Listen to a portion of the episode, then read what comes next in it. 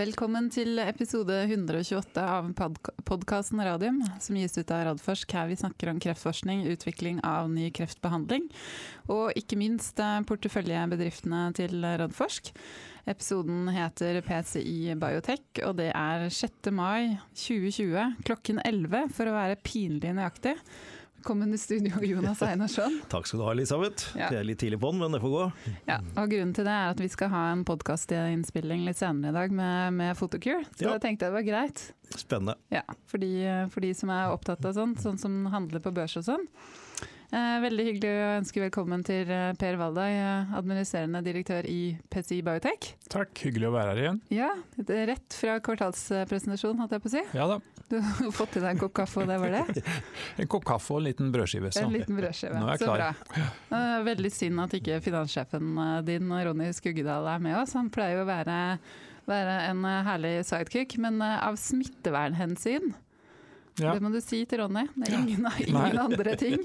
Vi regner jo med at det var en slags nordlendingskarantene, da. Så, som en hevn for den søringkarantenen disse nordlendingene har hatt. Jeg tenkte kanskje han var så sur pga. at det ikke er noe fotball på TV å se på for tiden. Ja, dette er jo egentlig veldig dårlig gjort, da. Når, han, når finansdirektøren i et selskap for første gang står og presenterer et positivt kvartalsresultat, og så får han ikke lov til å være med i podkasten. Det er dårlig gjort. Altså. Ja, det er dårlig gjort. Kanskje det var han som skulle ha sittet her isteden. Ja, vi vi får sende han, eh, sende han våre dypeste uh, unnskyldninger. Det er ja. mulig vi hadde fått han inn i en krok her, men uh, ja. Vi får se på det. Eh, men Einarsson, eh, vi spøkte akkurat med det før eh, vi startet sendingen, at det har skjedd usedvanlig mye med selskapene våre den siste uken. Ja. Så du så litt på meg, og jeg så litt på deg, og lurte på om vi egentlig var oppdatert på noe som helst. Jeg tror vi skal være sånn rimelig oppdatert, men det er, det er mye å følge med på. Og, og, i tillegg så skjer det veldig mye i, i selskapene også, som, som, ikke er kommet så langt at de har kommet til, til nyheter. Så det er, det er ikke en sektor som, som som ligger nede dette her. Her er det store utfordringer, men, men eh, jaggu jobbes det og, og, og, gjøres alt man kan for å, for å, komme godt igjennom det. Ja, Så bra. Tenker store utfordringer og mange muligheter også. Ja. ja. Eh, men vi kan eh, vi, vi begynner. Og så når vi har kommet gjennom eh, oppdateringene, så er det full konsentrasjon om deg, Per. Så har du hvis du har noe å tilføye, så smetter du inn, ikke sant? Ja da. Ja. Eh, vi kan begynne med Nordic Nanovektor. Eh, de har jo da gjort endringer i, i ledelsen. Eh, det er Marlene Brunberg som blir ny CFO. Og får ansvaret for finans-investorrelasjoner og HR. Hun har jo da tidlig, tidligere hatt ansvaret for investorrelasjoner. Eh, og så det slutter da Tone Kvåle, som har vært CFO i flere år, og Rita Dege, som har vært HR-sjef, slutter. Um, de har jo meldt at det skulle komme endringer i ledelsen, ja. men er du overrasket over de endringene som kommer? Nei, Det er jo alltid vanskelig når du skal, skal stokke om en kabal med, med, med, dyktige folk. Og som du nevner, Tone jo, var, var, jo CFO når jeg satt i styret der før, før og frem til børsnoteringen, så hun har jo virkelig fulgt selskapet og gjort en veldig god jobb. Men de har sagt at de må kutte hoder, og da har de nå tatt tre stillinger og slått sammen til én stilling. Mm. Uh, og da har de vel tatt den som kan dekke alle de tre stillingene. Hun, uh, Malene har jo mye, mye, erfaring innenfor det området. Det økonomiske området også fra tidligere, så det er vel naturlig at det, at det blir sånn. Ja. Uh, I tillegg har Nordic sendt ut en melding om at de har fått innvilget patent i USA for betalutin. Eh, som dekker da IPR-en med kombinasjoner, f.eks. Rituximab og lignende medisiner. Ja, og Det er kjempebra. Mm. Eh, for Det betyr at de nå har patentbeskytta det som hele tiden har vært på en måte tankegangen. Å gå fra betalutin som eh, en enkeltstående medisin, som de nå skal ha fram til markedet. Men det er grunnen til at de starta Archer-studien i, i, sin tid, er jo nettopp, nettopp dette med at den kan komme inn som en en medisin som gjenoppvekker det som f.eks. rituximab, altså angriper som er CD20. Der hvor de er blitt CD20-resistente, så har de jo nå foreløpig prekliniske, men også noe kliniske data fra Archer-studien går ut ifra, som, som, viser at dette kan være på en måte den fremtidige behandlingen. og Da er det alltid OK å ha en patentbeskyttelse på det. Så det, så var, det er bra jobba. Mm. Uh, og det er jo da et patent som er sendt inn for en god del år siden også. Dette er jo ting, ting som tar tid. Ja, det, det, er vel det er Som regel så får du en, en, sånn skriftlig rapport med anbefaling nå, det fikk man ikke tidligere, etter ett år. Mm. Og så er det litt, litt, sånn formalia om uh, å få det gjennom i de forskjellige nasjonale fasene. Så jeg har ikke sett innsettelsesdatoen på den, men tipper ca. halvannet til to år siden. Ja, ok. Ja. Eh, ellers så er det Targovax som har kommet med en, eh, en rekke meldinger. Eh, kan kanskje begynne med den siste som kom vel i dag morges. Og det er at de har fått eh, et abstract eh, eh, godkjent på ASKO, som er da Det er riktig å si at det er verdens fremste kreftkongress? Det er den største, ja. uten tvil, fordi den, den favner hele området. Og, og, det som vi har nevnt tidligere, er jo at, og Per har jo vært på ASKO gjentatte ganger, at uh, går vi en seks-syv år tilbake i tiden, så, så, var vi ikke mange som satt i det lille avloket og så på immunterapi. mens uh, nå er jo immunterapi det som dominerer ASKO. Så, så det er jo litt å se hvordan dette feltet har, har utvikla seg. Mm. Og det er jo alltid å få et uh, abstrakt godkjent på ASKO er et kvalitetsstempel. Det betyr at de har noen data å komme med som, som disse som sitter og vurderer alle innsendte abstrakter, mener er, er, har vitenskapelig verdi og var viktig å, å, få fram. Så blir jo ASKO noe helt annerledes i år. Det blir jo en ren digital uh, konferanse. Eh, og du mister dette med å møte folk og følge opp når du legger fram studier. Du har poster session og møter alle som kommer dit. Alt dette blir, blir jo borte. Men, men, det er like mye vitenskapelig impact, vil jeg tro. Dette er jo helt nytt. Mm. Men jeg vet ikke hva Per tenker om det. Men det, det, det, vil jo være like mye vitenskapelig impact å få et abstrakt basko i år som tidligere. Ja, Det tror jeg absolutt. Jeg tror ikke det har noen uh, stor forskjell. Men uh, det blir jo det er en helt ny måte å gjøre sånne store konferanser på. Mm. det er jo på en måte et litt spennende eksperiment og se hvordan man kan få det til å fungere. Ja, og det, det tenker jeg på. Eh, jeg har, har, snakket en del med journalister i det siste også, og liksom, liksom begynt å snakke om sånn post-covid, eller, eller, ikke at det nødvendigvis blir borte så fort, men i den, denne nye normalen så er det veldig mye som blir annerledes. Mm. Og Vi kan komme inn på det etterpå når vi, når vi skal snakke om, om selskapet ditt og de kliniske studiene. Fordi jeg tror også at kliniske studier kommer til å bli gjennomført annerledes mm. nå etter, etter, dette. For det er jo en del ting vi ser, og både FDA og EMEA har jo gått veldig aktivt inn og sett på hva kan vi gjøre for at kliniske studier skal kunne gå videre, selv om vi er i kanskje i et år eller to, vi aner jo ikke, i, en, i, en, i den type situasjon med hvordan CRO-ene følger opp, og, og, og, mm. og, video, oppfølging av pasienter og i det hele tatt. Så det er, det er veldig mye nytt. Det sklir jeg ut som jeg alltid gjør, så da kan du gå til videre. Nei, jeg, jeg holder akkurat på å skrive en artikkel om virtuelle kliniske studier, såkalt uh, decentralized clinical trials. Jeg syns det var veldig interessant at du tok opp det der. Ja. Det der tror jeg det kommer til å komme som bare rakkeren. Mm. Men vi kan Men, ikke si eh, noe mer. Går, eh, hvis vi går tilbake til, eh, til Torgovaks og, og, det de skal vise da, på, på ASKO, eller i hvert fall det abstrakte de skal ha på ASKO, så er det data fra fase 1-2-studien av Onkos kombinert med en sjekkpunkthemmer i behandling av kreft i bukhinnen. Ja. Spredd fra eggstokkreft og tykktarmskreft. Eggtarmskreft og tykktarmskreft er de som, ja. som, sprer seg aller mest til, til bukhulen. Det er jo samme indikasjonene som også Onkoinvent uh, går, går, for i, i, i sine studier. Ja. Så det blir spennende. Vi kan jo ikke si noe om dataene før vi, før vi ser dem. Det, jeg tror abstracted legges ut 13. mai, hvis jeg mm. husker det riktig. Uh, ja. Og så har de jo i tillegg kommet med oppdaterte data fra mesoteliomstudien, der de kombinerer onkos med kjemoterapi. Har du fått kikka på den? Ja, det er eh, litt mer data ja. uh, som er i tråd med de dataene som man uh, hadde tidligere. Uh, og det er jo positivt, for det betyr at du har flere pasienter, mer data, og det ser ut som spesielt, spesielt de endepunktene de ser på, holder seg i forhold til de første pasientene. Da blir tilfeldighetene litt mindre. Så det styrker dataene når du har flere pasienter og mer data. Mm, absolutt. og så til slutt fra Targovac så har de ansatt en ny forskningssjef doktor Viktor Levitsky. Ja, jeg har ikke fått tid til å gå helt igjennom CV-en hans, men han ser ut, ser ut, som det er en, en god ansettelse igjen. Det er mm. et uh, veldig bra team i Targovax. Mm, absolutt, uh, og jeg er i dialog med de nå i forhold til å få de til å komme på besøk uh, snart. De skal jo ha sin Q1-rapport i morgen. Ja. ja. Klokken ti har de webkast, så da kan man følge med på den. Eh, ellers så, det er jo Neste er eh, PCI Biotech, som da har ansatt eh, Ludovic Robin, som jeg hørte på webkasten i dag. Så han er, er han fransk? Ja. Ja. Han er fransk, eller så han heter Robin, tror jeg. ja, ikke sant? Men eh, han er ansatt som chief eh, business officer. Eh, si litt om han og ansettelsen. Ja, dette er jo en ansettelse som Vi hadde jo Geir Levidé en periode eh, som sluttet i fjor, for et år siden omtrent. Ja. og nå har vi jo sett etter en person som kan ta over det, pluss en person som har kom mer kommersiell erfaring. Mer sånn eh, sale, marketing and sales-erfaring i tillegg. For vi ser jo at vi må forberede oss nå når vi er i en registreringsstudie på at det er, vi skal over i en annen fase, i en kommersialiseringsfase, rett og slett. Eh, og og Ludvig han har en eh, bred og god erfaring, både fra Shire eh, og senere fra Advisen, og har tatt en rekke produkter, mer enn 15 forskjellige nye produkter på markedet for, for disse to selskapene. Og har, eh, gjort en, har en veldig bred og god erfaring rett og slett innenfor akkurat det som vi har behov for.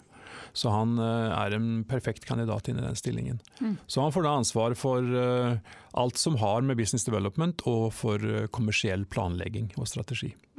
Så spennende. Gratulerer. Mm, takk. Mm. Men i disse koronatider, da vil han sitte på hjemmekontor holdt jeg på å si, og ikke være så mye fysisk til stede i Oslo? Nei, ikke til å begynne med. Han Nei. skal flytte til Oslo, sånn at oh, ja. det, er, eh, det, det, det kommer til å skje, men det kan jo ikke skje nå. Nei. Eh, Sånn at det vil eh, gå litt over tid. Mm. Eh, Så vi begynner nå med, med en slags virtuell onboarding. Mm. Eh, Han begynte jo på mandag.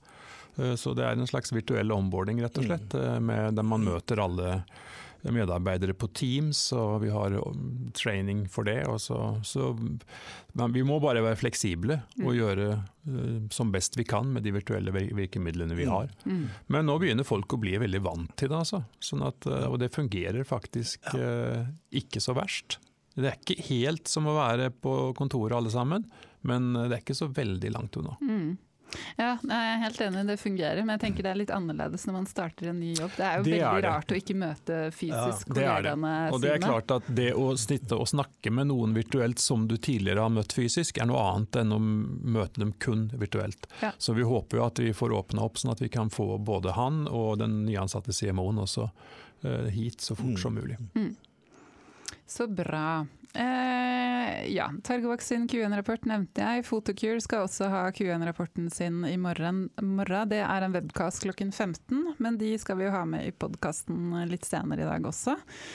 Eh, og så har du, du nevnte at du har vært snakka en del med journalister den siste tida. Så du har vært bl.a. intervjua i DN, det var, var det i helgen, om en koronavaksine. og at eh, du mener at pandemien gir norske bioteknologiselskaper et oppsving? Ja, jeg- Grei ut. Ja, nei, jeg, jeg mener at eh, vi er i ferd med å, å markere at vi her i Norge har veldig mye spennende teknologier. Som, eh, og, vi har hele tiden så, så, så har jo vi vært fokusert på, på kreft, og, og at det er kreft vi skal behandle. Men, men det mesteparten av selskapene våre jobber med, er jo å behandle immunapparatet. Og da er jo veien over til infeksjonsmedisiner og viruspandemier relativt kort. Og hvis du begynner å gå og se igjennom de selskapene vi har, og hvilke muligheter de har til å bringe inn nye teknologier for å utvikle bedre vaksiner, og kanskje vaksiner på mye kortere tid enn det man har gjort tidligere, eh, så tror jeg at Vaxibody, PCI Biotech, TET-teknologien til, eh, til Ultimovax, eh, annet er, er selskaper som absolutt kan markere seg og være med i utviklingen. Jeg har sagt hele tida at jeg tror ikke at noen av selskapene våre nødvendigvis kan bli med i denne runden, altså i det første racet for å finne en covid-19-vaksine nå, fordi det er så nye teknologier. Men da hadde vi Agnete fra Vaxibody her i forrige uke. Og de har jo nå startet en egen satsing innenfor for dette feltet med, med å ansette Gunstein Norheim. Uh, og jeg tror at de Hun sa noe ganske fornuftig. Hun sa at nei, men det er ikke sånn at nødvendigvis de vaksinene som kommer nå, er de vaksinene som skal brukes mot covid-19 eller andre andre koronaviruser i fremtiden. Mm. Sånn at der kan alle disse selskapene våre spille en, en rolle. Og så kommer vi jo liksom, eh, drar jo liksom litt sånn spare seg opp av hatten med, med, med BEMS19. Nib fra Bergen Bio. Jeg sliter alltid med det. Benzentinib? Benzentinib. Ja. Eh, som nå plutselig er, er, på vei inn i en Eller er allerede nå fra preklinikk til fase to-studie på 14 dager, liksom. Mm. Og, og, og, i løpet av et par måneder kan være inne i en fase tre-studie.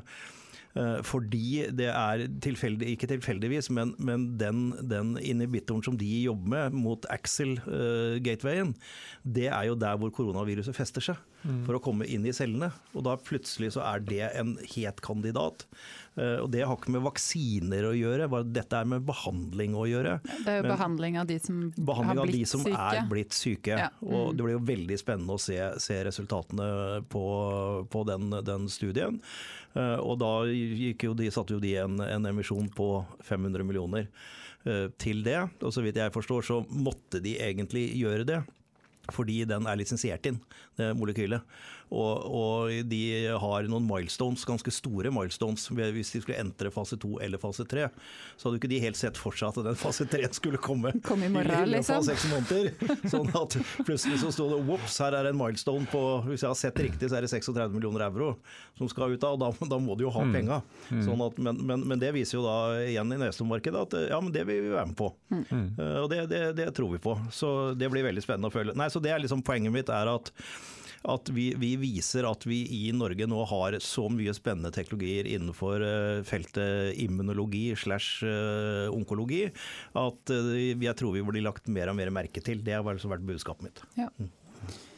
Merker, du, merker du noe på det Per, du fikk jo spørsmålet i dag. Det var vel et lytterspørsmål som gikk på da Fimavac, den ene teknologien dere har som kan være en, eller er en vaksineforsterker. Mm. Om hvorvidt den var aktuell å bruke nå mot en, mot en av disse mulige vaksinekandidatene mot eh, koronaviruset? Ja, den kunne potensielt være aktuell for flere eh, av disse. Som, det er over 100 vaksiner som er i, i utvikling. De fleste er jo i preklinikk fremdeles. Men det disse selskapene nå gjør, det er jo å Jeg tror jeg tok, jeg vet ikke helt hvor jeg fikk det fra, men jeg tok en eller annen lignelse om å, som å be Usain Bolt om å bytte sko for at han skal komme fortere til mål etter 20 meter. Mm. Det gjør han ikke, for Nei. det går ikke fortere. Uh, sånn at uh, å, å, komme inn med den teknologien til de selskapene nå, det tror jeg er veldig veldig vanskelig, rett og slett. Men det er, åpner seg, det kommer, Dette er en first wave. Alle eh, rusher for å prøve å komme til klinikk så fort som mulig. Mm. Uh, og når det er 100 selskaper, så er det ganske stor competition om å prøve å komme først også, og komme tidlig. Uh, så, men det kommer en second wave på dette. her. Altså det, kommer, uh, det, kommer, til å være teknologier som ikke virker så bra som man ønsket. Uh, og vi står jo med Fimavac-teknologien som noe som kan forsterke både immunresponsen på antistoff, som vi har sett fra det vi har gjort på, på med friske frivillige, og på T-celleresponsen ganske mm. dramatisk. Så vet man egentlig ikke helt Det man har sett, er jo at for covid så er det litt det ser ut til å være litt vanskelig å opparbeide gode immunresponser. Det kan være at det er vanskelig med en mm. vaksine. Eh, og at man behøver noen forsterkende effekter. Mm. Så får vi se. Vi, det vi gjør er jo og, og vi er så opportunistiske som vi kan i dette, rett og slett. Mm. Eh, og følger veldig nøye med på situasjonen. Og prøver å nå ut til de som muligens kunne ha behov for vår teknologi. Så får vi se om det fører til noe i et litt lengre perspektiv. Ja. Jeg tror du er inne på et veldig viktig poeng, og det er eh, nettopp med, med covid-19. Det er et nytt virus. Vi, vi, har ikke sett det før. Har, ja, det tilhører en familie vi har sett før, men det oppfører seg helt mm. annerledes enn SARS-MERS f.eks. Mm. Og nettopp dette med, med immunsystemet. Og, og vi, vi, vet jo fortsatt ikke om man blir immun. Vi, vi har liksom regna med tidligere at har du hatt en virussykdom, så blir du immun, om ikke på livstid, så i hvert fall for lang tid. Det er ikke, slett ikke sikkert at det, at det skjer her. sånn at det kanskje ikke er nok å gi en sånn, skal vi kalle det, standardvaksine. Som gir en standard antistoffsvar. Det kanskje bare varer i så kort tid at når neste bølge av covid-19 kommer, så kan man få reinfeksjoner hvis det kommer seks måneder, ni måneder etter. Så er det et hav av uløse spørsmål. Så det er ikke sånn at det kommer akkurat som Per sier, det er ikke sånn at det kommer én vaksine nå, og så, det, så har vi løst det. Her er det mange års eh, hard jobbing og, og mye nye teknologier som skal inn. Mm. Men det, det, der med immunitet, ikke-immunitet, åpner jo en litt sånn der eh, Hvis det da viser seg å ikke være immunitet, hva skal man da med en vaksine?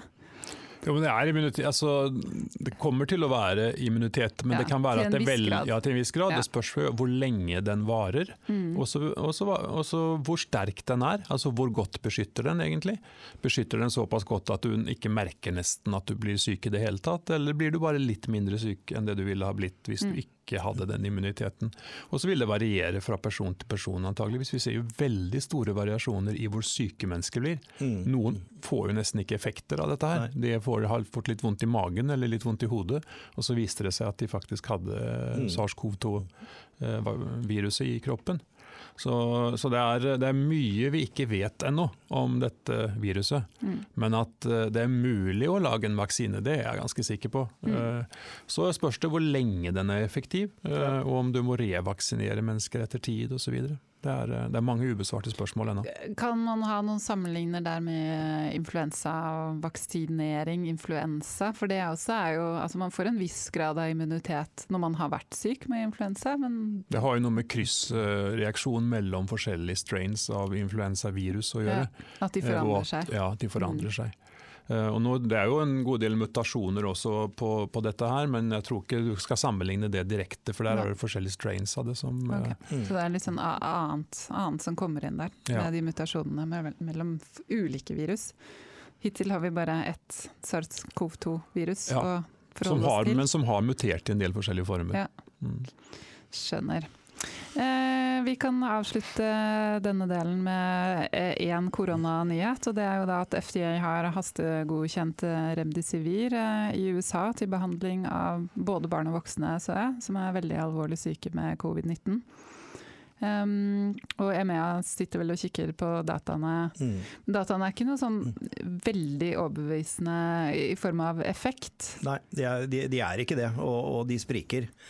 Eh, så det, jeg holder fast ved det jeg har sagt tidligere, at det kan godt være at remdesivir kan være en del av en eh, cocktail som man kan bruke for de, de mest alvorlig syke. Men det er overhodet ikke noen eh, game changer, som noen har uttalt tidligere. Det, det, det, det vil det ikke være. Men, eh, men, det er viktig at vi begynner å finne forskjellige typer behandling som kan gi noe effekt. og Jeg, jeg har brukt det bildet før med, med hiv-aids, hvor, hvor, vi starta med noe som virka litt, og så fant vi noe som virka litt, og så satte vi de sammen. og Til slutt så endte vi opp med en cocktail av medisiner som holdt eh, viruset i sjakk. Og Det kan være det er den veien vi skal gå. at det er det er eh, produktet til, eh, til, Bergen Bio, hvis det viser seg å fungere, og Remdesivir og noen andre som har lite bivirkninger. Men det, det er poenget her. at ja. Sett sammen sånne cocktailer, så må alle ha lite bivirkninger. Så det å, å liksom plusse på hydroksyklorokvin på dette her, det tror jeg jeg ikke ville gjort hvis jeg hadde hatt en pasient med, med, med, med dette, for den har alvorlige bivirkninger. Mm. Men at den kan få en, en plass i behandlingen, det, det, kan den få. Men uh, den hastegodkjenning fra FDA har vel fått noen påtrykk her og der, i tillegg til det rent medisinske vurderingen, tror jeg. det var et par ting mellom linjene der. Har du lyst til å utdype det, eller skal du la den liksom henge? Jeg tror, tror de fleste lyttere vet hva jeg mener. ok, den er god. Da begir vi oss over til eh, PCI Biotech. Jeg tenker liksom Før vi går inn i kvartalspresentasjonen, så gi, gi eventuelt eh, nye lyttere og nye til eh, selskapet en kort introduksjon. Ja, det skal jeg gjøre.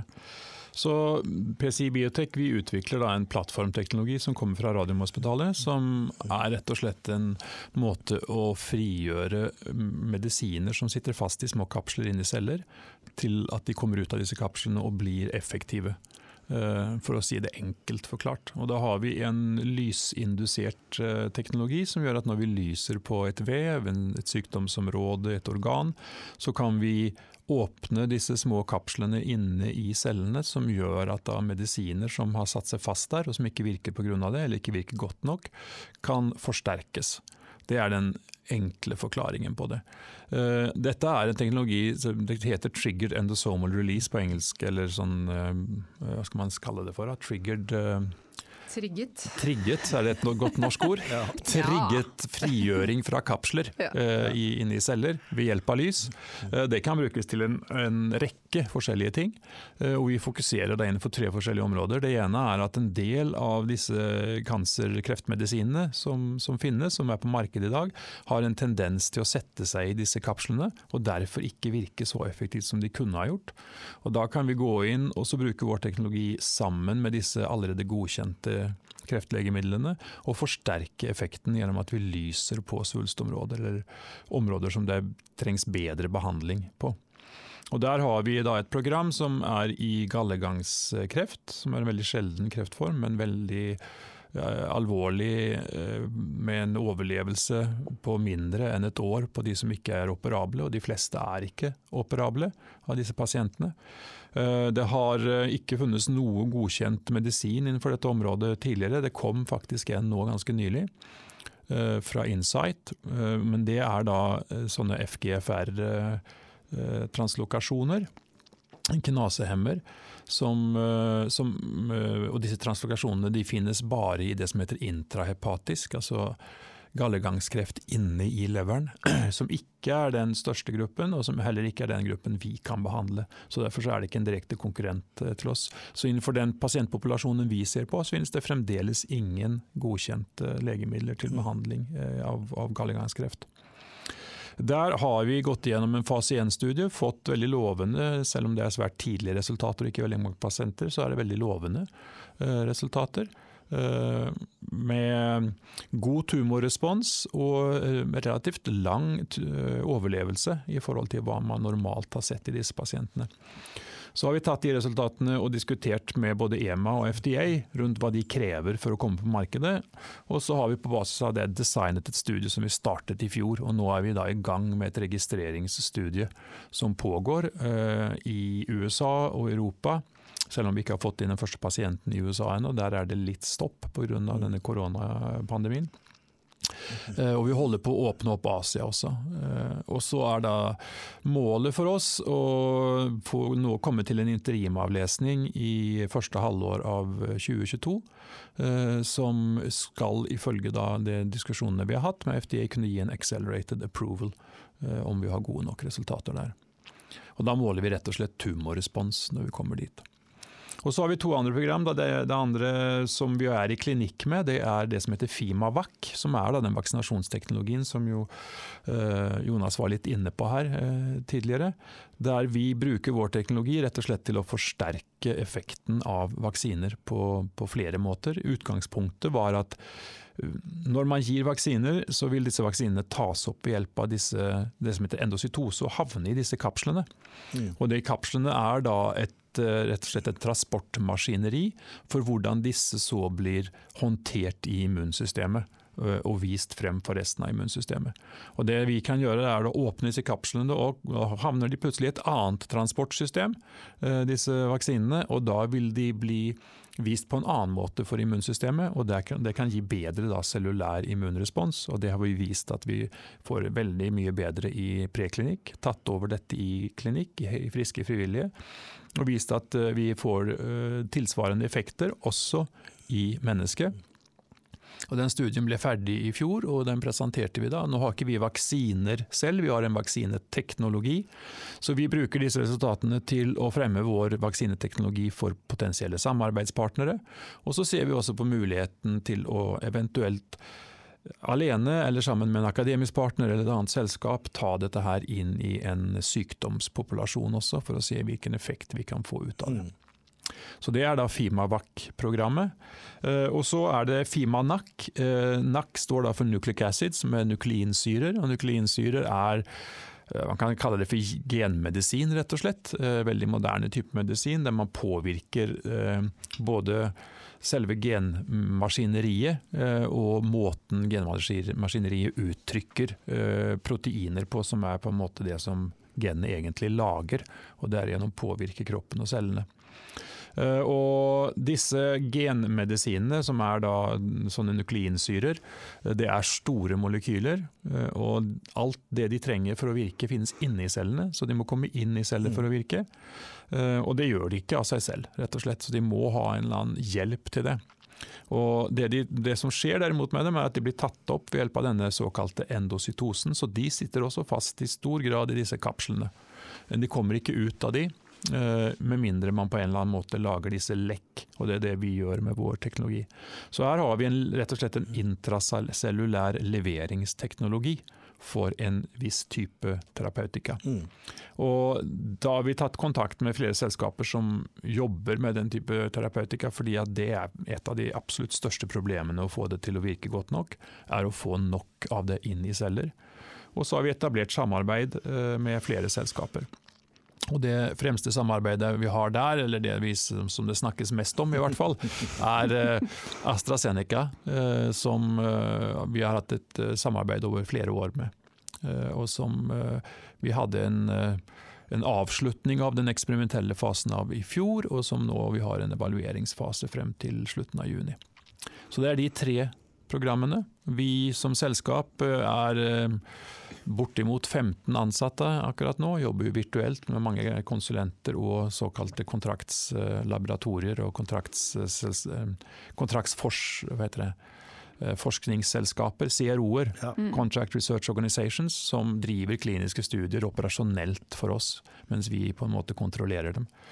Eh, Og sitter her på, i Oslo Cancer Cluster, eh, i et landskap. Og har tett samarbeid også med Radiumhospitalet. Vi har et godt samarbeid med den gruppen som PCI-teknologien kommer Mm. fra i utgangspunktet, og gjør mye av vår preklinikk innenfor det området. Mm. Så nå har jeg gitt en ganske omfattende det var ikke så kort forklaring på selskapet, jeg beklager det. Nei, Jeg blir litt ivrig her. Det er, alltid, det er alltid fint å få en eh, fin introduksjon. introduksjon. Da, da, da veit alle hva man eh, prater om. Det er greit å ikke prate forbi hverandre også. Jeg tenker kanskje at vi begynner med, med koronapandemien. Ja, fordi dere, som en rekke andre selskaper i klinisk utvikling, har blitt uh, påvirket av den. Og du snakket jo litt om det, eller du snakket en del om det i dag under Q3 Q1-presentasjonen. Det gikk veldig fort natt til Q3. det er ikke sikkert det er dere lenger etter Q3. Um, hva, hvordan er dere påvirket? Altså, det som skjer med en sånn pandemi, er jo at uh, beredskapen på sykehusene og sykehusrutinene de forandres ganske kraftig. Og deres prioriteringer forandres ganske kraftig. Det kan man jo se og forstå, ikke minst fra det man har sett både i Italia og Spania og England, ikke minst. Uh, også delvis i Sverige. eh, Selv om der har de hatt litt bedre kontroll på det og hatt nok kapasitet. Så, så det som vi har fått beskjed om fra våre sykehus, det er jo at eh, og Det er det som er spesielt med den type kan jeg si det også, men spesielt med den typen produkter vi utvikler, er at vi utvikler dem jo alltid i samarbeid med sykehus. Det er jo ikke noe vi gjør helt selv. Mange andre selskaper kan utvikle sine produkter helt på egen hånd, mens vi er nødt til å samarbeide med sykehusene. Eh, og da er de en veldig veldig viktig partner for oss. Eh, og i kliniske forsøk er det jo enorme apparater for, for å få til å fungere der ute. Både hos myndigheter og på selve sykehusene. Men når noe som dette her skjer, så må jo de se, prioritere helt annerledes, rett og slett. Så en stor majoritet av de sitene som vi har åpnet, altså de sykehusene vi har åpnet, har gitt beskjed om at enten at de har stoppet helt innrullering av pasienter, eller at de har kraftig redusert innrullering Mm. av pasienter. Og så varierer det litt fra land til land. Eh, I Tyskland så er det litt eh, mindre påvirket. Så der har de også redusert screeningen etter pasienter ganske betraktelig, men det er ikke stoppet helt opp. Eh, og mens i steder som Italia f.eks. så har de jo ikke vært i nærheten Mm. av å tenke på å inkludere pasienter engang i kliniske studier. Det er alle mann til pumpene for å prøve å håndtere covid-pandemien. Mm. Og prøve å beskytte altså det, Kreftpasientene er jo også noen av de mest eh, sårbare for eh, denne, denne type pandemier. Fordi at de går ofte på medisiner som påvirker hvor godt immunsystemet deres virker. Sånn at det er, eh, Den påvirkningen den ser jo alle farmasøytiske og biotekselskaper. Mm. I tillegg så er det jo som alle andre selskaper at vi har eh, delt oss eh, litt opp. Vi har sagt at vi ikke skal være mer enn halvparten på kontoret. Vi jobber i et åpent landskap. og Da kan vi ikke sitte tett i tett, men vi kan sitte litt spredt. Så vi har en, rett og slett en doodle hver uke, der man melder seg på når man vil være på kontoret.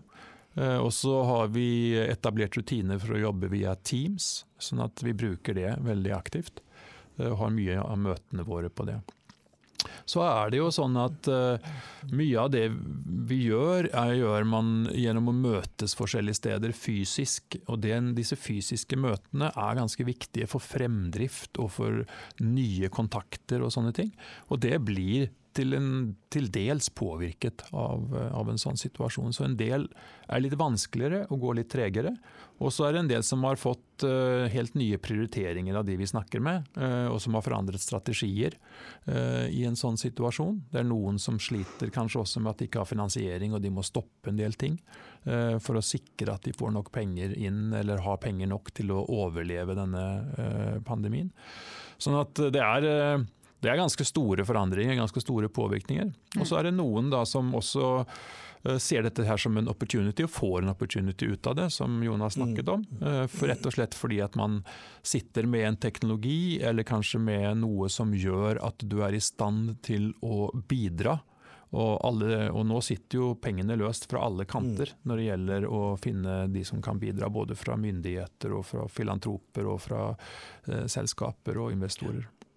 Jeg tror det er en veldig, Den beskrivelsen du ga på kvartalspresentasjonen, er en veldig, veldig edruelig og riktig beskrivelse av situasjonen. Eh, og så er som du sier, det er jo forskjellig fra land til land. Altså I Norge så var det stopp i inklusjonen av kliniske studier eh, fra 12.-13. mars til men ikke lenger enn til noen få dager over påske. Mm. Da fikk vi beskjed om at de åpna igjen ja. her. og Så her er det full screening på de studiene jeg kjenner til ja, uh, i dag.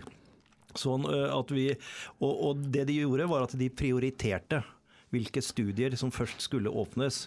Og I vår portefølje så tror jeg samtlige studier vil falle inn under prioriteringskriteriene. Mm. mm. For det er jo nettopp sånne pasienter som PR og PCI behandler, som, vi, som vil bli prioritert først. Fordi de ikke har noen annen behandling.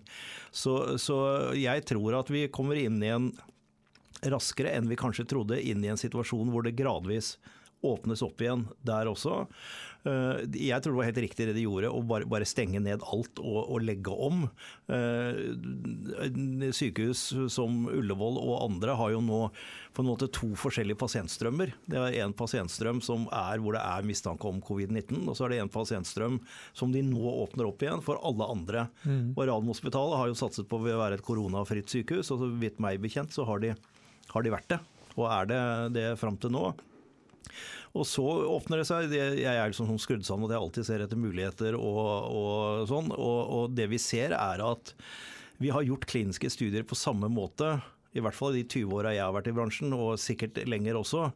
Med, med, og alt har vært lagt opp etter hvordan man utviklet legemidler tidligere, enten det var blodtrykksmedisiner eller var kjemoterapi. Mm. Mens vi ser jo at de studiene vi gjør nå, er jo helt annerledes skrudd sammen. Og kanskje det med oppfølging og måte vi gjør det på, skal gjøres annerledes videre fremover, som gjør at disse studiene kan bli mye mer effektive, og kanskje da gå raskere igjen. Så, så jeg er den sier, sier det at de, de, som holder på med studier nå som de forventer tar to-tre år før det blir ferdig. Jeg ser absolutt muligheten for at mange av selskapene kan hente inn mye igjen når vi nå gjør dette. Og så vet vi jo om selskaper som det de, det de gjorde øh, var å kaste seg over mulige nye sites og begynne å jobbe med det. Sånn at når du åpner opp igjen, så har du kanskje istedenfor å rulle ut sites, så har du en, en bunke med sites som er, er, klare til å sette i gang. Men at det vil få en effekt i form av tid og kostnader, mm. det syns jeg er greit at alle selskapene bare sier, men vi vet ikke hvor mye. Og så sier de at ja, Det betyr at vi har sagt at vi har penger til å nå den og den milepælen. Dette gjelder generelt for alle selskapene.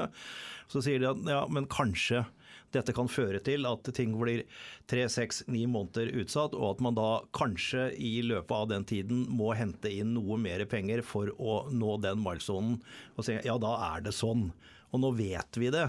Så det er liksom, vi har tatt ut bunnen, tenker jeg, mm. i, i, dette her. Mm. Og, og, da ser vi det, og så er, er, vi forberedt på det. Og så er jo ikke det noen stor katastrofe hvis man gjør det. Mm. Så, så, jeg ser ikke noe sånn helsvart på det, men, men det er klart det er utfordringer, er det.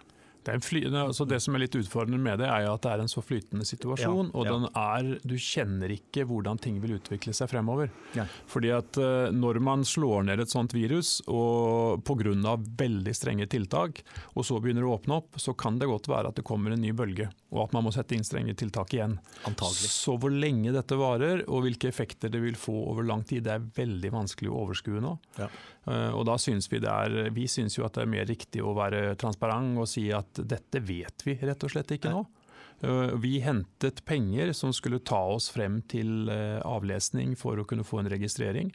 Og i den flytende situasjonen det er nå, og det er mulig at dette her er selvsagt for alle, eh, og hvis det er det, så er det bra, så, så vet vi ikke hvordan, om, om, dette holder fremdeles. For vi vet ikke hvordan det ser ut fremover. Og, så vil jeg også si at det man da gjør som, som selskap, er jo å se hva er det vi kan gjøre for å få dette her til å gå fortere, da, når det først åpner opp igjen? Mm. Hva er Det vi kan, det er jo de tingene du må fokusere på. Så Vi går jo gjennom det som er av inklusjon- og eksklusjonskriterier. Alt av analyser vi har på screening og failure på screening. Eh, vi ser på eh, om det er andre land som vi ikke har tatt med, som vi bør ta med både i Europa og, i Asia. Mm. Eh, og Vi ser også på om det er flere sykehus som vi bør åpne opp.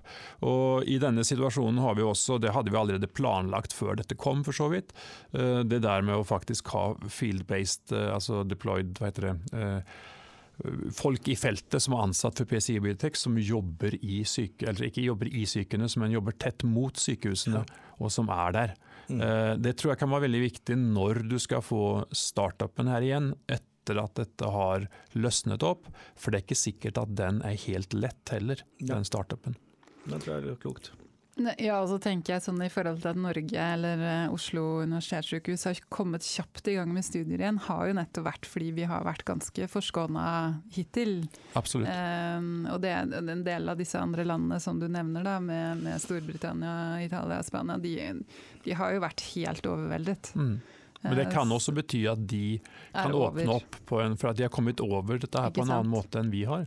Vi har klart å beskytte oss veldig godt, men det betyr også at det er veldig få som faktisk er blitt smittet i mm. dette samfunnet, her, mm. sammenlignet med de som har blitt hardt rammet. Sånn at eh, det kan jo være at de klarer å åpne opp raskere. Ja. Ja, men jeg synes det Begrepet du brukte under eh, kvartalspresentasjonen i dag om at ting er flytende, det er vel egentlig det eneste man veit. Ja, det er det. Sånn som det er nå, så er det dessverre det. At det varierer fra land til land og tid til tid. Ja. Det er jo som å på en måte manøvrere uten egentlig å vite hvor du er og hvor du mm. Du vet jo på en måte hvor du skal, men mm. ikke hvordan du kommer deg dit eh, Nei. nødvendigvis. Så Nei. det er uh, veldig Man må bare jobbe med det man kan, ikke rett og slett. Sant? Ja, mm. fokusere på det. Mm. Um, men som sagt, dere har jo da lagt frem kvartalsrapporten. Kanskje du kan ta de mer vi, Kan man kalle det generelle høydepunktene? Og så kan du gå gjennom uh, for de ulike teknologiene som du nå har presentert uh, også veldig grundig. Ja. ja. Det kan jeg gjøre. Eh, for Fimakem så var jo det rett og slett en statusoppdatering til å begynne med. Hvor er vi? vi er, eh, ting går ikke like fort nå som eh, vi hadde håpet det skulle gjøre. Både på aktivering og enrullering. Men vi har i hvert fall fått en til regulatorisk godkjenning på plass, og det er Taiwan. Eh, vi har ikke sett så veldig store effekter egentlig på regulatoriske og etiske tidslinjene. Der har det ikke vært noen store impact eh, på, på, eh, av pandemien. Derimot sykehusene og åpningen av den, det er vi litt spent på nå om vi klarer å få til så raskt som vi hadde håpet på. Vi har åpnet fire sites, altså fire sykehus til, siden vi hadde Q4-rapporten i februar. Så vi har nå 34 eh, sykehus som er åpne, innen situasjonstegn. Mm. Eh, fordi at alle dem er jo egentlig ikke Altså de er aktivert, Ja. eh, men en del av de ser ikke etter pasienter. Mm. Eh, og relativt mange av dem ser ikke etter, etter pasienter akkurat nå. Fem av disse er, eh, som vi har, er åpne er, er i USA. Eh, Men eh, der er de ganske hardt rammet, eh, og der vet vi ikke hvor lenge det vil vare. Og Derfor så har vi også sagt at den første pasienten som vi sa vi skulle ha i første halvår, den vet vi ikke om vi får i første halvår. Hvis det her vedvarer, så kan det være at det sklir over i annet halvår før Mm. vi får den første pasienten inn i USA. Mm.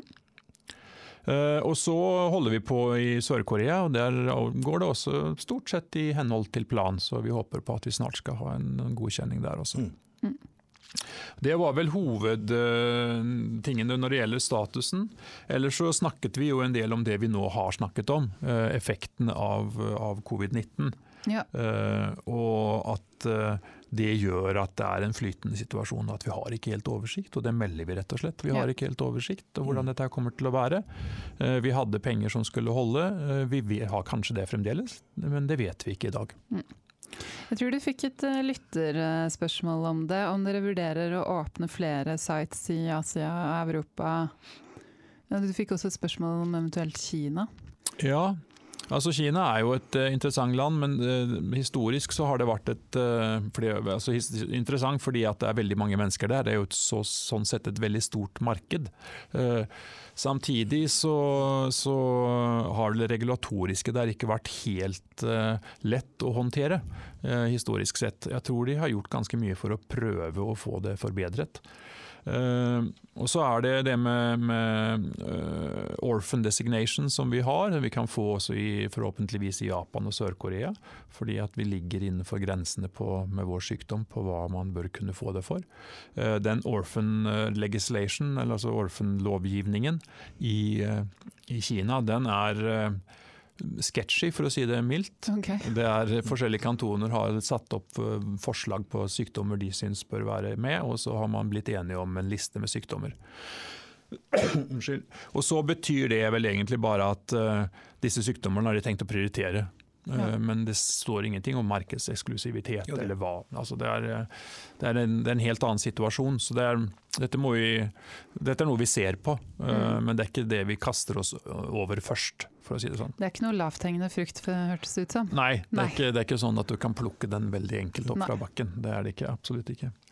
Eh, Og så har vi jo meldt rett og slett at i denne situasjonen så har vi prioritert å se på hva vi kan gjøre for å komme så godt som mulig i gang, eh, og så fort som mulig i gang, og akselerere studien når disse restrictions eh, som, som ligger her, altså disse tiltakene som forhindrer klinisk eh, inklusjon, eh, når de løftes opp igjen.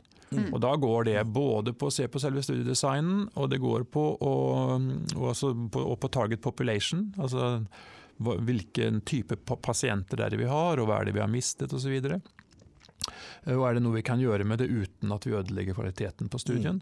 Og det går, og her eh, har vi gjort ganske mye arbeid. Og så har vi også satt i gang arbeid for å se på forskjellige land eh, som også kan inkluderes. Hvilke er potensi potensielle high recruiting countries, som vi kaller det for. Høyrekrutterende land som ikke ennå er med i studien. Så det er også en ting vi ser på eh, Mm. i relasjon Mm. til dette. I forhold til den eh, interimanalysen som dere har eh, meldt kommer andre halvår 2022, er det, er det noe dere mener kan bli utsatt, eller eh, går dere for den, den tiden nå? Vi har ikke meldt noe annet, Nei. men det vi sier er at det kommer til å bli forsinkelser, men det er så flytende at vi vet ikke Altså, det blir forsinkelser på studien. Om vi klarer å hente igjen de forsinkelsene eller ikke, det er for tidlig å si, fordi at situasjonen er så flytende. Mm. Så vi har ikke meldt om Vi har ikke meldt at den ikke gjelder lenger. Men vi har eh, sagt at det er for vanskelig for oss, det er umulig for oss å si akkurat nå Ja. om den fremdeles gjelder. Det er bra. Fima Fimavac, Ja, ja? Her er det jo, Vi satte jo i gang en del arbeid med patenter for en del år siden. Eh, nok mer enn ett og et halvt år siden vi satte i gang. Eh, men det er mulig at Ja, det er forskjellig Fra tid. innsendt søknad, tenker jeg. Ja, ja da. Eh, jeg tror det er mer enn et halvt år siden vi innsendte disse søknadene. Nå skal jeg være helt ærlig. Det Det tar litt tid. Ja, det gjør det. Eh, Det gjør ofte det. Eh, det. Og det er to viktige patenter som vi har fått inn nå på, på Fimavac, som beskytter teknologien og hvordan den teknologien brukes. Og det er ganske brede patenter. Eh, og Det ene går på cytokiner, å kombinere det med cytokiner. Altså en fotosensitizer, en peptid-proteinvaksine og et cytokin. Eh, og det andre går på det som heter toll-like receptor agonists, for å være veldig norsk. Jeg vet ikke om det finnes et norsk ord for toll-like Nei, jeg har googlet når den nyheten kom, og det, jeg fant ingenting. Men det er da uh, disse reseptorene som kjenner igjen uh, spesifikke patogenassosierte strukturer uh, i virus og bakterier. Sånn at det er reseptorer som vil si fra til immunsystemet at her har det kommet noe nytt, og det er antageligvis farlig. Eh, Det er rett, for å si det veldig enkelt. Mm. Så det er en slags danger signal som man, som man har på, på dette. Eh, og disse er veldig aktuelle nå i bruk som adjuvans. fordi at det er jo akkurat det du ønsker å fortelle kroppen. Her har jeg gitt deg noen ting, eh, og den eh, legger jeg på denne lille adjuvansen som forteller immunsystemet at her må du faktisk lage en immunrespons, for dette er noe som er litt skummelt. Mm. Og en av de, et av de tollike-reseptoragonistene som vi har, eh, og agonist det betyr da stimulator, noe som kan binde seg til disse reseptorene og stimulere dem, som vi har brukt, det er jo Hiltonol. Og Det brukes i en rekke forskjellige studier for, innenfor uh, peptidvaksiner med, med, med kreft, som en adjuvans. Uh, og ses på av uh, de der ute som kanskje en state of the art, så Mm. bra som man kan få det til. Og det er den vi har sammenlignet med i vår studie. Men eh, det vi gjør er å kombinere vår teknologi, Fimavac, kombinerer vi med denne type Tollike receptor agonist, og spesielt denne poly-IC, eller Hiltonol som den også heter, der vi ser veldig, veldig sterke synergier. Det blir ikke én pluss én blir ikke to, men det blir sju, eller noe sånt. Mm. Det er ganske, ganske bra. store forskjeller. Ja. Ja, ja, du ser på resultatene, så ser du det. Eh, Så, så det er viktig for oss da å beskytte denne kombinasjonen, Ja. og det har vi nå fått innvilget et Ja. veldig viktig patent i USA på. Veldig bra. Mm. Og så er det ikke noen andre nyheter der, annet enn at vi jobber nå med å publisere disse resultatene. eh, Som vi har på, på Fimavac, og at vi er ute og snakker med selskaper eh, rundt Fimavac-teknologien som kan ha nytte av den. Mm. Ja, fordi der har dere vel eh, altså strategien for å utvikle det, sa du vel i dag, er todelt. At Mm. dere både ser om dere kan inngå samarbeid med, med annen biotek eller Big Pharma, og så planlegger dere da å gå inn, altså å gjøre en sånn klinisk proof of concept med på en, på en sykdom. Kan du utdype litt om den siste biten der? Jeg kan Den utdype litt om med den første. det skal vi Jeg skal utdype litt om den første. Først. Men, men på en litt annen måte. Altså Samarbeid, eh, eller de to forskjellige armene av dette, her eller de to forskjellige strategiene. Eh, For Den ene strategien er jo en ren utlisensiering. Vi har en teknologi som kan forsterke deres vaksine. Har dere lyst til å lisensiere den av oss? Mm. Den type diskusjoner, eh, som da er partnering-diskusjoner. Eh, Men når det gjelder å selv ta dette her inn i en eh, klinisk eh, proof of concept, så kan det enten gjøres i samarbeid med et annet selskap, sånn at tar, vi sammen tar våre to teknologier og drar dette videre til en proof of concept. Det kan skje i samarbeid med en akademisk institusjon som har et eller annet som de ønsker å utvikle videre. Vi tar dette sammen og drar det til en, eh, til en proof of concept. Eller det kan være at vi rett og slett tar noen antigener eh, som vi syns er interessante, eh, og tar dette videre eh, på helt egen kjøl Mm. inn i en eh, klinisk studie. Så det er alle de tre eh, mulighetene som, som vurderes. Der har vi en del ideer om hva vi kan gjøre, og det var vel det du egentlig ville at jeg skulle utdype litt om. Eh, der har vi en del ideer om hva vi kan gjøre, og vi ser jo først og fremst, eller det vi har sett på til nå i hvert fall først og fremst, har jo vært forskjellige kreftindikasjoner og muligheter der. Og der har vi en del ideer om hva vi kan gjøre, og det viktige for oss er jo i en sånn proof of concept å finne en indikasjon der vi også kan få mest mulig mekanistiske svar. Altså at vi faktisk kan gå inn og se at vi får effekter, og de effekter vi ønsker å få. Eh, og Da gjelder det at du velger riktig indikasjon eh, i relasjon til hva slags antigen du har tilgang til, eh, enten alene eller i samarbeid med noen, og hva du kan undersøke på disse pasientene. Uh, og Det er diskusjoner som du er nødt til å ha med kliniske eksperter. Mm. Uh, og Her hadde vi jo ting, uh, diskusjonsplaner og sånn satt opp som er blitt satt litt på vent.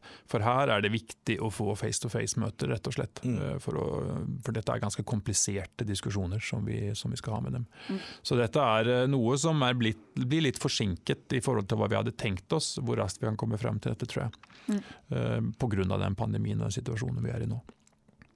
Skjønner. Så bra. Det var den utdypningen eh, jeg var eh, ute etter også. Fima NAC. Ja. ja. Hvordan går, hvordan går, det med forhandlingene? vi, har, vi, har, brukt en time på å faktisk komme, ikke sagt ordet AstraZeneca ennå, så det var faktisk ikke verst. Nei, her har vel ikke jeg så veldig mange kommentarer jeg skal komme med, uh, egentlig. Nei, uh, så jeg skal ikke si så mye om, om dette. Det vil komme uh, beskjed om det når det foreligger beskjed om det, og frem til da så kommer det ikke til å bli sagt noe særlig om det. Nei, Men det blir avgjort i juni? Det blir avgjort i juni. Ja. Altså det kommer en melding i juni om ja. hva som eh, er eh, videre eller fortsettelsen av dette. Mm. Fordi at de har Jeg kan fortelle noe, noe, om hvordan dette er konstruert, da, bare for jeg har sikkert sagt det før. Men vi har jo hatt et eksperimentelt samarbeid som av, ble avsluttet i desember. Og så har de da seks måneder på seg i henhold til den avtalen vi har, til å bestemme seg om de ønsker å gå videre på en eller annen måte i dette. Og Hvis de da ikke har bestemt seg innenfor de seks månedene, så er det sånn at alle rettighetene til resultater osv. som ligger i dette, er tilfaller PCI Biotek. Mm. Og Det er liksom den måten vi har konstruert det på, for å legge press på at de må bestemme seg for hva de ønsker å gjøre.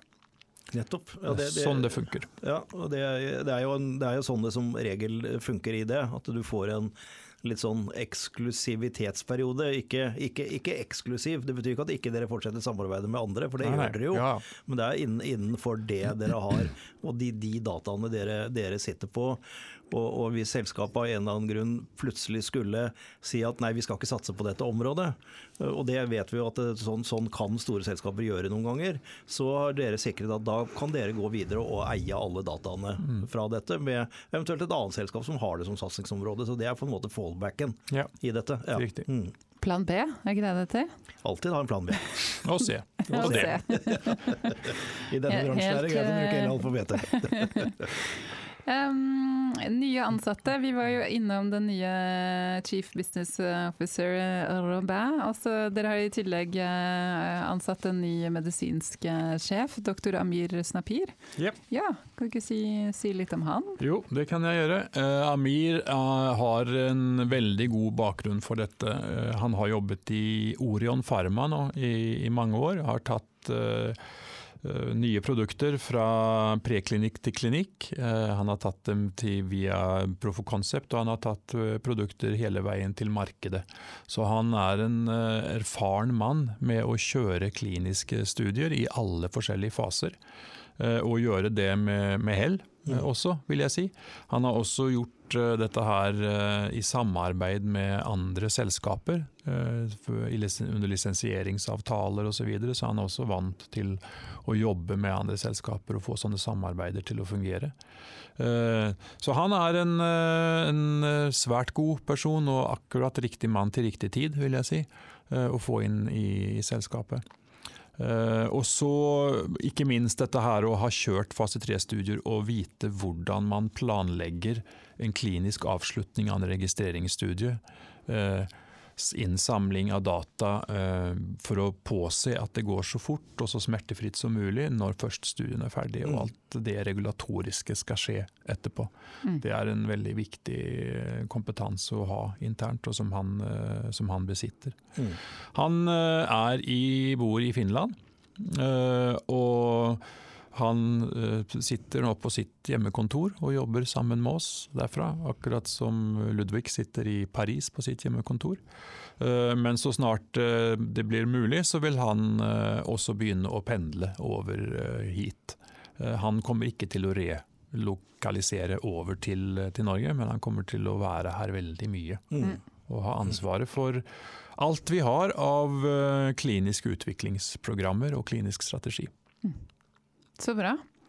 Um, vi må snakke litt om finansene. Det var som vi startet med i dag å si, at det er dårlig gjort ikke å ha Ronny her når du har uh, positive resultater. ja, det kan man si. Men uh, sånn, får det, sånn, får det, være. Du får ta det, du. Ja, ja. altså det, det, er jo kort fortalt så, så uh, har vi en finansdirektør som er klok og forutseende, og som har putta pengene i, delvis i, i stor del i euro.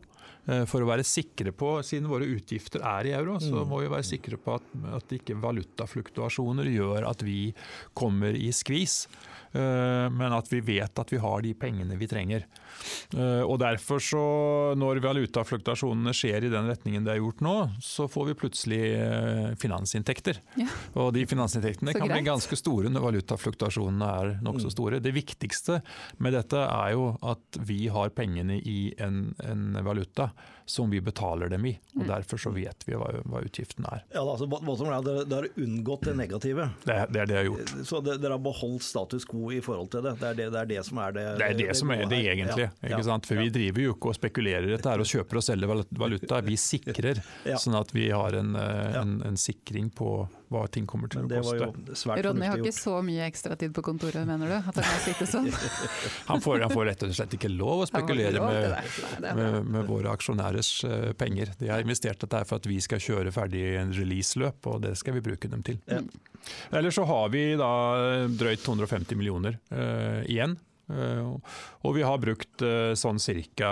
23 millioner i, i, det første kvartalet. Mm. Så får folk regne på selv hvor lenge pengene rekker. Yeah. Mm. Den er god. Da avslutter vi med noen spørsmål fra, fra lytterne. Uh, det er en som lurer på om dere har endret strategien for Fimanak fra 2018-rapporten til i år, for han mener at det ikke står noe om i uh, årsrapporten blir vel det, da, at, uh, at dere har sånn todelt strategi? Det er, for det første så må jeg jo da si at det er veldig oppløftende å høre at det er noen som leser årsrapporten.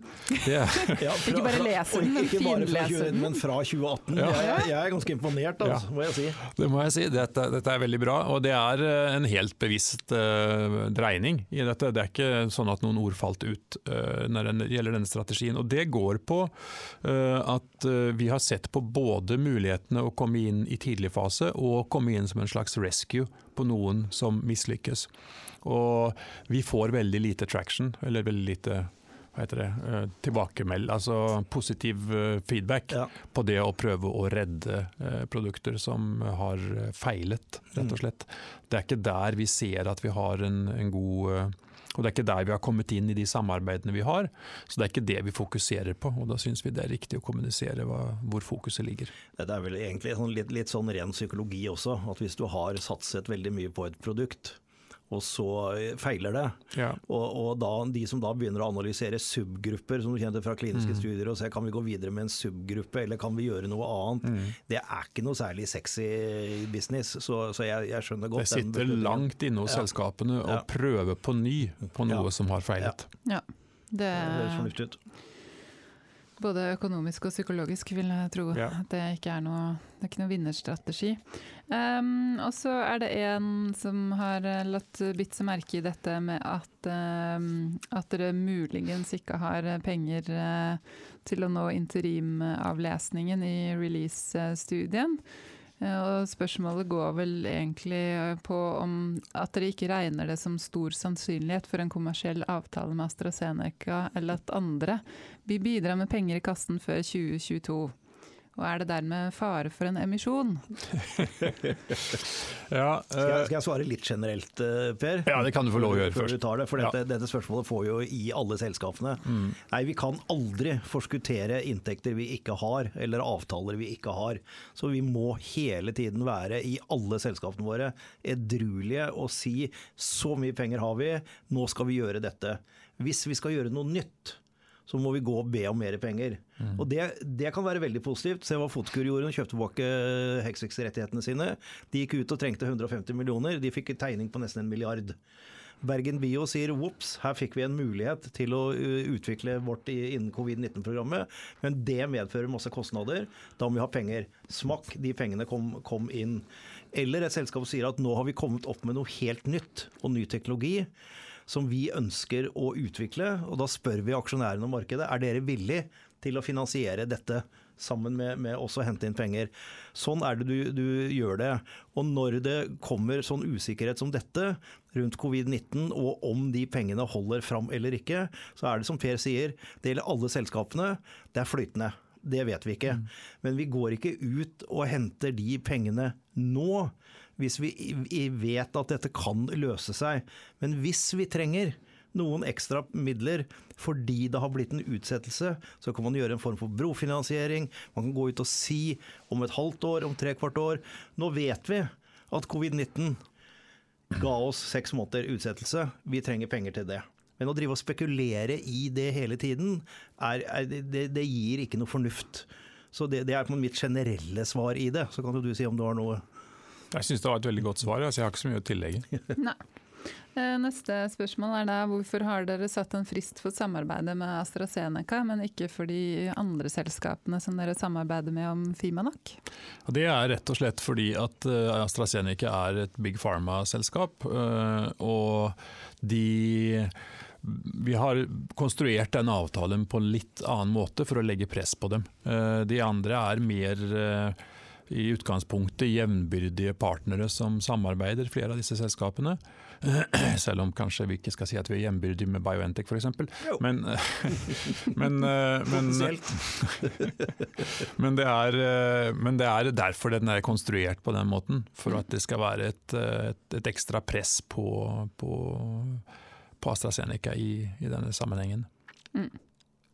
Ehm, så har vi fått inn en rekke spørsmål fra en lytter. Jeg tror vi har vært innom noe i det. Men vi kan ta det til etterretning først. At det lytteren lurer på om du kan komme innom etter hver Q1-presentasjon. Eller Q, kvartalspresentasjon heter det ikke etter hver Q1, det hadde jo vært litt rart.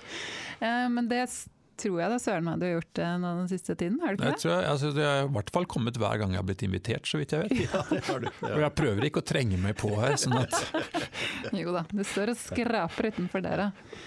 Um, jo, spørsmålet, det første spørsmålet i forhold til Fimakjem går på hvilke land eh, som fortsatt rekrutterer i release-studien. Det vet jeg ikke om du kan si noe om? Nei, altså jeg, som sagt, Dette er nokså flytende, men jeg tok noen eksempler og sa at uh, Tyskland har ikke stoppet helt opp. Uh, men uh, f.eks. Italia og Spania har det vært helt stopp i. Sånn at uh, det er en viss aktivitet i, i Polen også, men den er nokså redusert. Mm. Men det er, eh, det er, ikke Jeg har ikke mer informasjon å komme med enn akkurat det. Ja. Den er så flytende og varierer så over tid, denne situasjonen også. Norge var det helt stopp, og så plutselig så var det åpent igjen. og ja. det, er, det, er, sånn det kommer til å, til å til være, være litt fremover nå, tror jeg. Ja. Så er det et spørsmål i forhold til Taiwan, der dere nå har regulatorisk godkjennelse. Spørsmålet er er fremdeles planen tre sites og 20 pasienter. Eh, og så hvordan er status for regulatorisk godkjennelse i Sør-Korea? Eventuelt hvor mange sites pasienter er planlagt innrullert? Er det eh, detaljerte spørsmål ja, her? veldig detaljerte spørsmål. Og tre sites og 20 pasienter, jeg vet ikke helt hvor det kommer fra. Men Nei. det er ikke så langt unna sannheten, vil jeg tro. Selv om jeg er, sitter vel ikke akkurat med pasienttallet i, som vi forventer i Taiwan i hodet. Det tror jeg ikke jeg, så det skal jeg ikke gå inn på i det hele tatt. Men det er vel en, et eller annet sted i tre til fem sites eller noe sånt, tror jeg, i Taiwan. Uh, og så har vi sagt at det totalt er et eller annet sted mellom 10 til 15 sites de, på tvers av de to landene. Mm. Og så er det jo relativt enkel matematikk å prøve å regne seg ut til, til mm. hva det innebærer. Når det gjelder eh, regulatorisk godkjenning i Sør-Korea, så har jeg vel allerede svart at der ser vi ikke så store forsinkelser. Der har ting gått relativt greit, både på etikk og, og regulatory. Uh, men det er mer uh, om vi får åpnet opp sitene tidsnok, eller mm. sånn som vi hadde tenkt, som er litt av en usikkerhet fremdeles. Mm.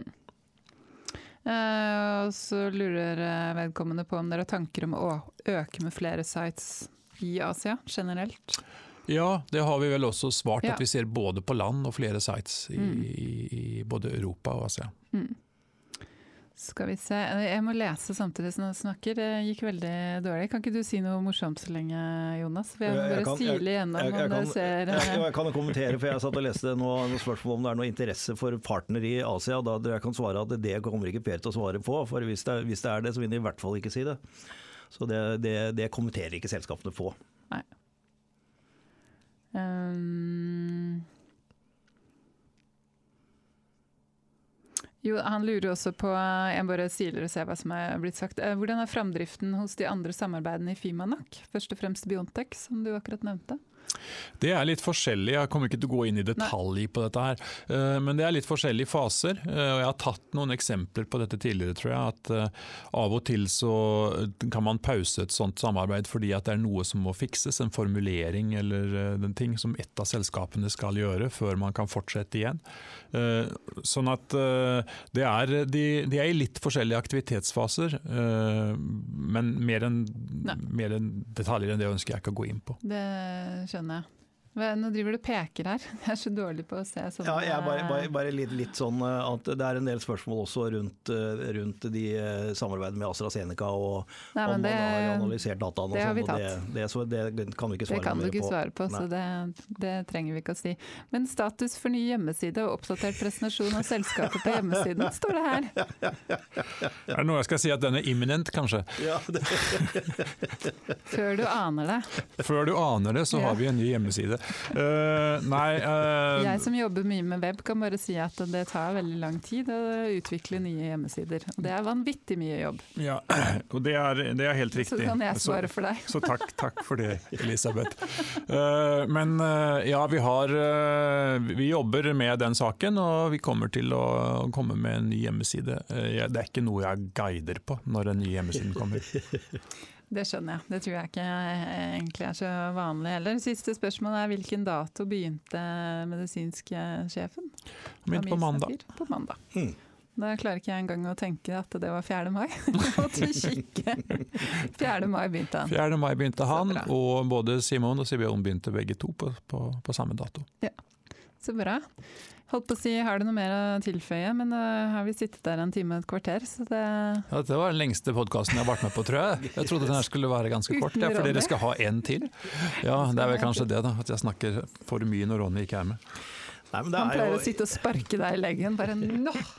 Nå holder det. det er en, vi er inne i en veldig vanskelig situasjon, og det er jo spennende å diskutere implikasjonene rundt covid-19 med, med deg som sitter midt, midt oppi det.